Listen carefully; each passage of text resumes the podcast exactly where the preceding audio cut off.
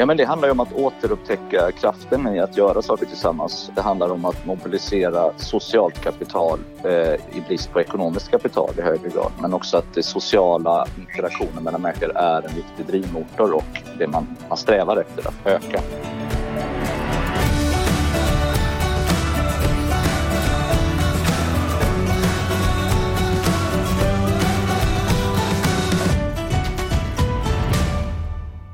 Ja men hallå och välkommen till ett nytt avsnitt av podden Landet. Det finns för få bostäder i de flesta kommuner idag och på landsbygderna saknas ofta utbudet av de boendeformer människor i olika åldrar behöver. Där kan också viljan att investera vara låg och alla har inte möjligheter att satsa på konventionellt byggda bostäder. Och något som nämns allt oftare i dessa sammanhang är så kallat socialt byggande och modernt självbyggeri så vad är då hemligheterna bakom att skapa livskraftiga byar och lokalsamhällen år 2020? På grund av rådande coronatider så har jag med mig gästerna i podden Landet på telefon den här gången. Och vi ska börja med en presentationsrunda. Eh, Tinna, du får börja med att presentera dig. Hej, Tinna Harling heter jag. Jag jobbar som arkitekt och även projektledare för projektet Egnahemsfabriken som jag driver ihop med Erik Berg. Eh, jag har ett eget företag här på Tjörn men har innan jobbat 12 år som verksam som planarkitekt på Tjörns kommun. Och Erik? Jag heter Erik Berg. Jag är också arkitekt, bor, bor på Tjörn sedan sex år tillbaks där jag byggt eh, ett hus tillsammans med min familj eh, och var med och drog igång eh, egna hemsfabriken tillsammans med ett stort antal andra personer, bland annat Tina för tre, fyra år sedan. Eh, också aktiv i rörelsen för byggemenskaper i Sverige och eh, frågor om, kring socialt byggande. Jag är från början uppvuxen på landet, har sen spenderat 15-20 år i stan och sen återvände jag till landsbygden eh, till sist igen. Mm. Och ni befinner er båda två på eh, Tjörn i eh, västra Sverige och lite längre upp i landet så har vi eh, Paula i Järlesborg. Du får också eh, presentera dig. Ja, jag heter Paula Oksanen och jag är ordförande i en bygggemenskap, det vill säga en kooperativ hyresgästförening. Och vi har byggt ett hus som har 12 lägenheter och en gemensam. Och vi har bott här nu i två år. Välkomna alla tre och om ni undrar vad som, det som låter i bakgrunden hos dig där Paula så är det nog lite fåglar som kvittrar i vårsolen tror jag. Ja, det är det. Trevligt. Om vi börjar med dig Tina, om du eh, lite kort skulle ta och sammanfatta problemen vad gäller byggandet av bostäder på, på landsbygderna. Ja, man kan väl säga att det som man behöver bygga på landet eh, är väldigt svårt att få till och det handlar ju framför allt om att det går idag bara att bygga där värdet är högt. Och det mm. betyder att stora bolag vill gärna bygga i staden men inte på landet. Men bostadsbehovet är ju lika stort på landet. Och om man väljer att bygga på landet i alla fall så får man stora problem med hur man räknar på värdet. Då har vi kommunala bostadsbolag som eh, bygger nytt och sen får stora ekonomiska problem av det. Så det känns ju som att det är faktiskt en sak som driver urbaniseringsprocesserna. Man kan inte bygga nytt för det folk behöver som bor på landet. För, för byggherrarna eh, som det kallas, de, de ser att det inte finns någon vinst i det då alltså? Ja, alltså, så som hela systemet eh, är uppbyggt idag så är det ju marknadsdrivet. Och eftersom man inte tjänar pengar på att bygga på landet där värdet på husen som är nya är lågt så finns det inga stora byggare som vill göra det. Och de små lokala aktörerna som vill bygga har också väldigt svårt att få lån på grund av hur man räknar på värdet. Och det där har Kajsa Krona skrivit en väldigt bra rapport om. Eh, det är dyrt att bygga billigt, säger hon. Och där beskriver hon just de här effekterna. Mm. Krona är från Chalmers här i Göteborg. Och är det detta som har fått regeringen att fatta beslut om att ge stöd till så kallade bygggemenskaper då eller? Det är väl kanske en av anledningarna eh, till att man har valt det. Men eh, det är också på grund av väldigt aktivt lobbyarbete från Föreningen för bygggemenskaper där Erik är en styrelseledamot och där jag också varit aktiv i flera år. Det är alltså så att från den första februari kan man alltså söka upp till 400 000 kronor via Boverket för projektkostnader för, eh, före byggstart. Ehm, Erik, vi kommer använda lite olika begrepp här som kanske kräver sin förklaring tänkte jag. Vad är egentligen socialt byggande, självbyggeri och tillsammansbyggande? Tre fenomen som är relaterade till varandra kanske man kan säga. Så självbyggeri är ju självförklarande, det handlar om att bygga sitt eget hus. Tillsammansbyggande är att göra det eh, en praktisk byggprocess tillsammans med andra och det är någonting egentligen väsensskilt från, från att eh, bygga på egen hand för det är en, en social erfarenhet på ett annat sätt. Och socialt byggande det handlar om eh, att ett samlingsbegrepp som fler och fler har börjat använda för att ringa in. Att vi faktiskt idag ser många som från olika håll eh, närmar sig att som enskilda eh, medborgare ta en större roll i byggprocessen. Och det kan handla om att man, man eh, skapar kollektivhus ihop, att man organiserar sig i byggemenskaper, att man genomför praktiska byggprocesser i tillsammansbyggen, eh, egna hemsområden eller bygdeutveckling. Det finns massor av olika initiativ, eh, crowdfunding, crowdsourcing. Allt det där är fenomen som på något sätt i tiden hänger samman. Okay. Och då har det här begreppet börjat användas eh, socialt byggande för att definiera vad är det egentligen det är som utmärker det. Så man, är mer, man går ihop mer på orten kanske och tar vara på resurserna som är där än istället överlåta det till ett kommersiellt stort byggföretag eller? Om man ska uttrycka det lite slarvigt kan man säga att det handlar om att mobilisera socialt kapital eh, i brist på ekonomiskt kapital i högre grad. Men också att det sociala interaktionen mellan människor är en viktig drivmotor och det man, man strävar efter att, att öka. Tillsammans kanske kan vara ett bra ledord i detta då? Ja, men det handlar ju om att återupptäcka kraften i att göra saker tillsammans. Du Erik arbetar med uppstarten av ekobyn Bysjöstrand. Vi ska strax komma tillbaka till det. Men jag tänkte vända mig till eh, dig först eh, Paula. Du har varit med och genomfört ett lyckat exempel på bygggemenskap på landsbygden. Hogslätts vänboende. Eh, vad är drivkrafterna att, vad var drivkrafterna att bygga det Paula? Ja, den här trakten är ju väldigt speciell därför att det är väldigt mycket konstnärer och skapande människor som har flyttat hit och bor här. Mm. Det märks både i att, att hela Gärsborgs eller Bottnafjordens äh, trakten är aktiv på många olika sätt, löser problemen tillsammans och så. Och då är det många människor här som, äh, som bor i inte så dyra hus, lite inåt från kusten, börjar känna att, att det är, vi vill bo närmare varandra, be, äh, rätt bekvämt och har inte pengar. Vi försökte leta upp ett sätt mm. att både ha integ personlig integritet och gemenskap och bo i, kvar i trakten där vi känner, äh, där vi känner folk. Att inte behöva äh, flytta till någon stad. Och sen så äh, organiserade sig en grupp här. Jag gick igenom hela det här systemet, försökte få uh, Tanumsbostäder att, att bygga huset. Försökte massa olika, uh, olika sätt. Det var finansieringen som var det svåraste. Okej, okay, ja.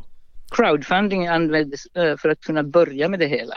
Och det här projektet Paula som du pratar om, det har nominerats till Årets bygge 2019 och bedömdes som ett av Sveriges 20 intressantaste. V vad säger du ligger bakom den här eh, framgången som ni har haft här?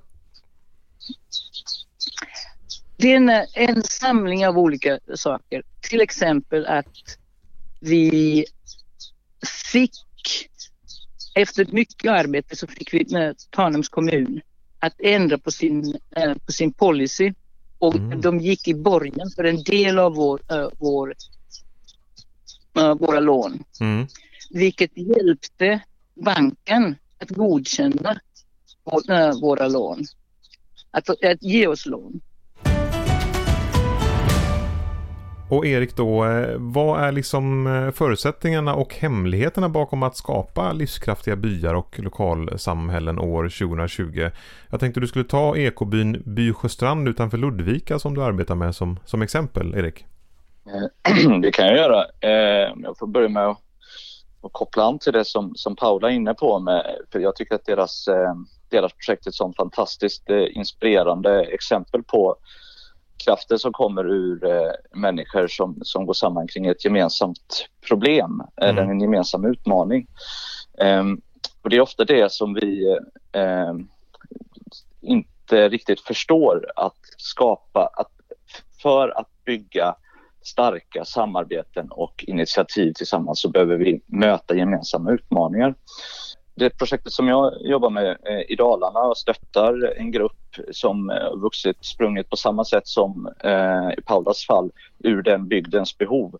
Eh, så, det, så, är det en grupp som har tagit initiativ till en ekoby eh, strax söder om Grangärde som i sin tur ligger ungefär 20 minuter ifrån Ludvika. Mm. Eh, och den här platsen detaljplanelades för ett antal år sedan av kommunen som ett traditionellt villaområde och det gick inte att sälja och det den här eh, gruppen har gjort är att ta ett omtag och istället utveckla den eh, med mig och, och andra eh, i riktning mot att bli en by.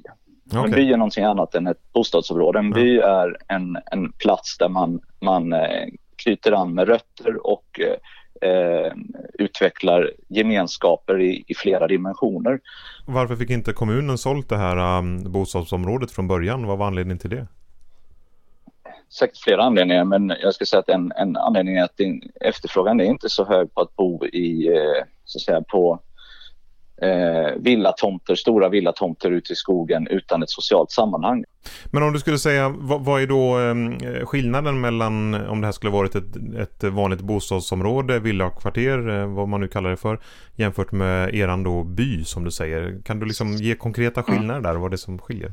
Jag menar, den första konkreta skillnaden är den, de gemensamma angelägenheterna. Att man formar platsen tillsammans och att man, man har eh, fysiska mötesplatser eh, i den här strukturen som är eh, så att säga, till att börja med gemensamma problem. Någonting som man måste ta hand om, eh, fylla med innehåll, eh, utveckla och sen någonting som man vill värna och vårda tillsammans. Mm. Och det är det som gör samhället livskraftigt, att vi har sådana platser som vi knyter an till, sådana delade angelägenheter.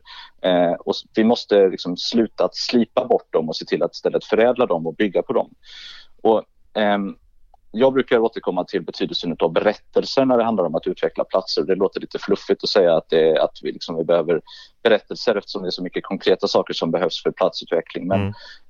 underskatta inte betydelsen av att vi har gemensamma berättelser i grupper av, eh, av vad, vad, vi behöver göra, eh, vad vi försöker åstadkomma tillsammans för det är förutsättningen för gemensam handling. Och det är också någonting annat när man liksom, man har, nu utvecklar vi det här området tillsammans. Det är inte så att jag bygger på min tomt utan nu ska vi skapa den här platsen med de olika komponenter som gör det till en plats och inte bara en, en eh, ett, ett rum i rummet. Tina, hur kommenterar du det som Erik eh, säger här? Nej, men jag håller helt med Erik och på Egnehamnsfabriken på Tjörn så är det precis den där sociala infrastrukturen vi försöker bygga upp. Mm. Eh, och att vi har i sin tur har kunnat bygga upp just Egnahemsfabriken på Tjörn. Det handlar ju om att vi har en vana av att samarbeta här. Ja. Eh, jag har jobbat sedan 2015 ideellt med nyanlända och det är mycket av det nätverket som finns nu som viktiga komponenter i Egnahemsfabriken. Jag har ju också jobbat 12 år på Tjörns kommun och, och, byggt upp det här nätverket. Och precis det Erik nämner, det här med vikten av att kunna samarbeta. Mm. Det tror jag kommer bli en framgångsfaktor i framtiden. Och någonstans mitt i allt det här hemska som händer kring corona så tycker jag också att det blir tydligare än någonsin. Mm. Eh, vi har det behovet och har vi det starka lokala samhället, då kan vi lösa de problemen som vi ställs inför. Finns det något hinder i att eh, bygga så här eh, tycker ni? Om vi börjar med dig Tina. Alltså hinder och svårigheter tänker jag på. Alltså det som är jättesvårt det är ju att systemen idag i Sverige har riggats för mer storskaligt byggande. Eh, hur går en värdering till till exempel eh, av en kooperativ hyresrätt när den är färdigbyggd. Jo, men det är ju liksom Boverket som gör den värderingen. Eh, man utgår från liksom att eh, värdet är högt i storstaden och det är lågt på, på landet. Så det är ju svårt med, med de systemen som vi har idag. Mm. Det här har ju förändrats. Eh, kan man titta tillbaka i tiden så fanns ju helt andra strukturer. Där det kooperativa till exempel var mycket starkare i Sverige än vad det är idag. Och det tror jag vi behöver hitta en återgång till. För det kooperativa hänger också ihop med det här med att göra saker tillsammans. Eh, och det tänker jag att med den lågkonjunkturen som kommer följa nu efter covid-19 så tror jag att vi kommer behöva tänka om därför vi kan inte bara jobba på som vi har gjort innan och det tror jag kommer kanske kunna lösa en del problem men det är ju en bit innan vi har lösningarna. Ja, och just som du säger då finansieringen här då, den är ju en intressant del tycker jag. Ehm, för det mm. handlar ju om att bygga med en ganska tajt budget. Hur får man till den delen? Ja, men då är ju självbyggeri en del. Eh, och jag tyckte det var så roligt. Erik och jag har ju varit uppe och lyssnat på Paula Oksanen och gänget uppe på Gällesborg på plats när de har presenterat sitt projekt. Och vi hade också dem på konferensen Socialt byggande som vi samordnade. Eh, och de berättade ju om att det var en jätteviktig del för dem att få ner kostnaderna, att de kunde hjälpa till själva. Eh, de målade panelen, de byggstädade, de gjorde massa olika saker. Men det är också en sån här grej som faktiskt är svårt i det systemet vi har idag med hur det ser ut kring ansvar och försäkringar och hur byggbolagen tillåter att man hjälper till. Mm. Så det vi försöker göra på Egna Hemsfabriken det är ju att bygga upp en infrastruktur där vi vill bygga husen ihop med våra beställare. Det är ju liksom det som är själva grundfilosofin. För men, har man möjlighet att lägga mm. egen arbetsinsats så kommer man också ner i kostnad. Så här är det arbetskostnaden då som ni kapar som till exempel en byggare tar ganska många eh, timmar för? Det är en del av det vi jobbar med. Vi jobbar också med mycket återbrukat material. Vi jobbar med mycket lägre timpriser för oss som arkitekter. Eh, vi jobbar med volontärer som hjälper till. Så vi har ett antal olika saker som gör att vi eh, kan bygga billigare. Men fortfarande måste man kunna få lån. Och det är det största problemet i Sverige idag. Det är otroligt svårt att få lån. Och där kan till exempel som kommunal borgen som eh, Hogstedts vänförening fick vara faktiskt avgörande. Och där önskar jag också då, apropå det här med samarbete mellan kommun och civilsamhälle, att kommunerna var lite modigare eh, kring det. Att man började jobba med tomträtt till exempel som gör att man kan få ner själva kostnaden för man behöver inte köpa marken, man kan arrendera den. Mm. Att man kan jobba med eh, kommunal borgen. Jag tror det handlar om 2,5 miljoner som eh, man gick in i kommunal borgen. Det är inga superstora summor. Och då ska man tänka att kommunen på köpet fick 12 bostäder för äldre kvinnor som kan bo hemma längre utan hemtjänst och så vidare. Mm. Eh, om, om plus vi... att man får flyttkedjorna som Erik nämnde då. Eh, om vi skickar över den frågan eh, först om eh, hur man får kommunen att gå i borgen då till, till Paula här. Vad, vad, Paula, vad är ditt bästa trix för att, för att lyckas med det? Vi hade gjort här, vad heter det, medborgarförslag. Vi uppvaktade kommunens olika äh, tjänstemän och, och politiker och när, vi kunde visa att uh, byggaren var från, från trakten, vi skulle ha fler människor in i trakten, boendes permanent och att uh, de krafter som fanns i trakten med oss så mm. blev det som en, som en inre rörelse kan man säga. Och entusiasmen var enorm. Ja, och det som Paula säger, alltså det som eh, det finns en sån vida spridd vanföreställning som vi alla går och bär på idag och det är att pengar är nyckeln till att kunna göra saker. Medan det som i själva verket är nyckeln för att bygga ett hus det är tillgång till engagemang. Och ni pratar alla om gemenskap och skapa delar tillsammans här. Eh, kan ni se en trend att det är, eh, att det, är det som folk liksom vill ha? Om vi fortsätter med dig Tina. Ja, absolut. Alltså jag känner verkligen det. Alltså intresset är större än någonsin för de frågorna. Ja, men jag tror att eh, även medvetenheten ökar om att vi måste åstadkomma fler saker när vi eh, sätter spaden i marken än bara att producera ett hus. Eh, det, ett bra byggande skapar mångdimensionella värden av flera olika slag. Eh, och, och det hänger på hur processen runt byggandet ser ut. Alltså att den är inkluderande, att den är, innehåller mått av lärande och utveckling, att den är reflekterande att den bygger på lust och nyfikenhet och, och även frivilligt deltagande, att den ger förutsättningar för allt sånt. När allt ska gå så fort som möjligt på bekostnad av alla andra värden som kan skapas i en process, då, då, då slår vi sönder mer än vad vi skapar. Och de, den typen av bostäder som kommer till på det sättet, de, de eh, skulle jag vilja säga gör många gånger tyvärr mer skada än nytta. Eh, så att, att bygga gemenskaper genom byggprocessen, det, skapar, det, det ger förutsättningar för en social resiliens att växa fram. Mm. Och det finns det massor av forskning som visar att det är det som krävs för att vi långsiktigt ska vara hållbara och långsiktigt kunna ha förmågan att, att utveckla våra, våra orter och bygder också. Jag tänkte en fråga som jag ska gå varvet runt på här. Eh, hur ska man liksom få ut det här budskapet att det går att eh, bygga eh, ja, men socialt och delvis. Eh, hur ska man få ut det budskapet till flera ställen i landet? Vad har ni för konkreta idéer där? Ja, jag tycker att det har varit väldigt uppenbart att det finns en efterfrågan på oss. Så vi har, vi har blivit intervjuade, vi har varit och föreläst eller visat våra bilder och berätt, berättat vår berättelse på flera olika ställen. Mm. De, de fina konferenser där vi har varit, till exempel den på Chalmers som var så otroligt fin och, och inspirerande. Den visade också att det finns ett sug efter kunskap om detta. Ja, Erik, vidare till dig då. Hur, hur ska vi få ut det här bygg, bygggemenskapsbudskapet till övriga delar av, av landet och få, få snurr på fler sådana här projekt, tänker du? Jag tror som Paula att det handlar ju väldigt mycket om att eh, vi behöver inspirera varandra, vi behöver lära av varandra, vi behöver ha fler genomförda exempel eh, runt om i landet som vi kan bygga vidare på steg för steg. Och just nu så, så lever ju hela Sverige och hela världen i ett storskaligt experiment där vi upptäcker att det går ju faktiskt att, att göra mycket mer saker på distans. Och mycket av de invanda föreställningarna om var man behöver bo och leva eh, ställs lite på sin, på sin ända. Och man upptäcker att ja, men ja, men det, det, går att organisera eh, tillvaron på ett annat sätt än att vi ska flocka ihop oss, koncentrera oss till, eh, till de riktigt stora urbana koncentrationerna.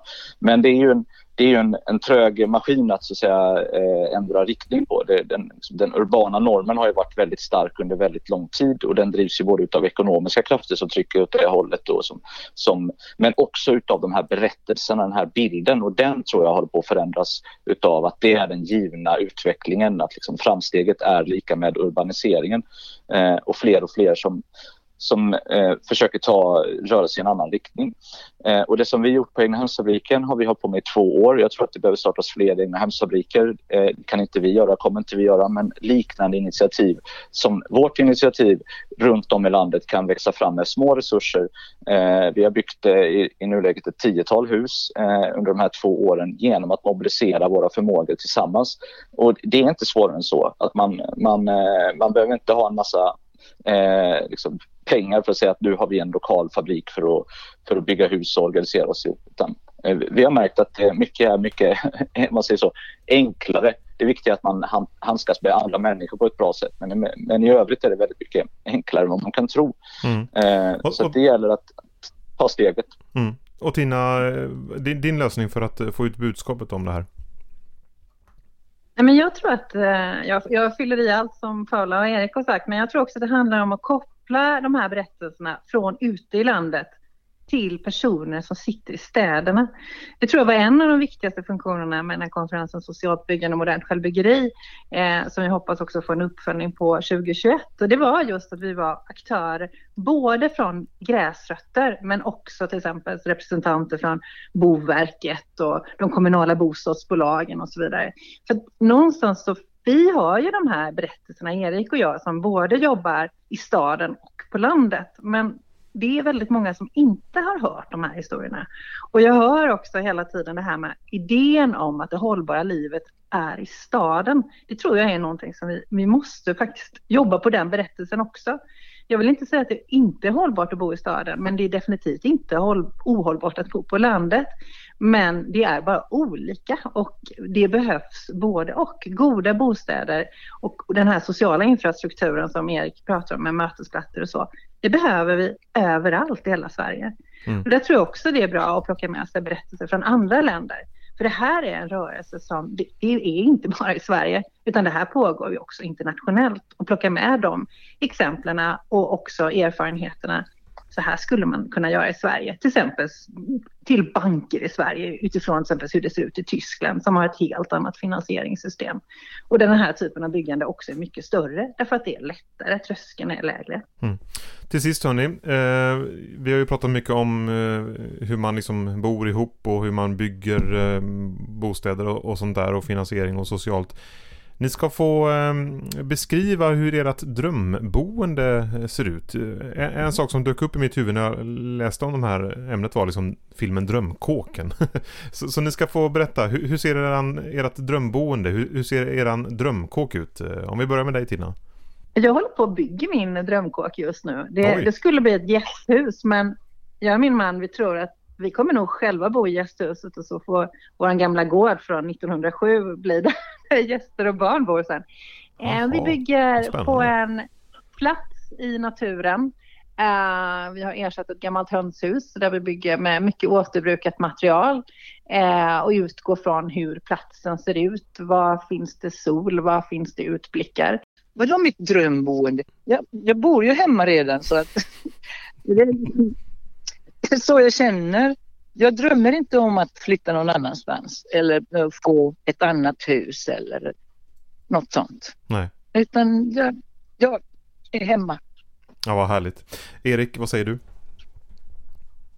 Jag måste erkänna att jag också känner att jag är hemma där jag sitter just nu. Ehm, men för mig så är mitt drömboende inte en byggnad utan det är byn som, som eh, eh, så att säga, fenomen, som socialt sammanhang jag tror att det är Alltså byn eh, som präglas av de här gemensamma angelägenheterna är en rumslig täthet och närhet eh, och att man kan knyta an rötter över lång tid till en plats så att människor kopplar till platser, att man vill koppla an till platser och värna om platserna därför att man upplever att de har ett värde. Tina Haring, Erik Berg och eh, Paula Oksanen, tack så hemskt mycket för att ni var med i eh, podden Landet. Tackar. Tack. Dags att stänga ner Landet-butiken för den här gången. Fler avsnitt finns som vanligt på landsbygdsnätverket.se landet. Och hörni, det är sista gången som ni hör mig, Peter Gropman, i podden Landet. Nu tar istället eh, kollegan Malin Marko över mikrofonen och rodret. Jag vill eh, passa på att eh, tacka er som jag har träffat under dessa avsnitt. Jag har lärt mig jättemycket av er. Och tack till er som har lyssnat. Ja, då återstår det bara för mig att eh, säga ett litet högtidligt adjö.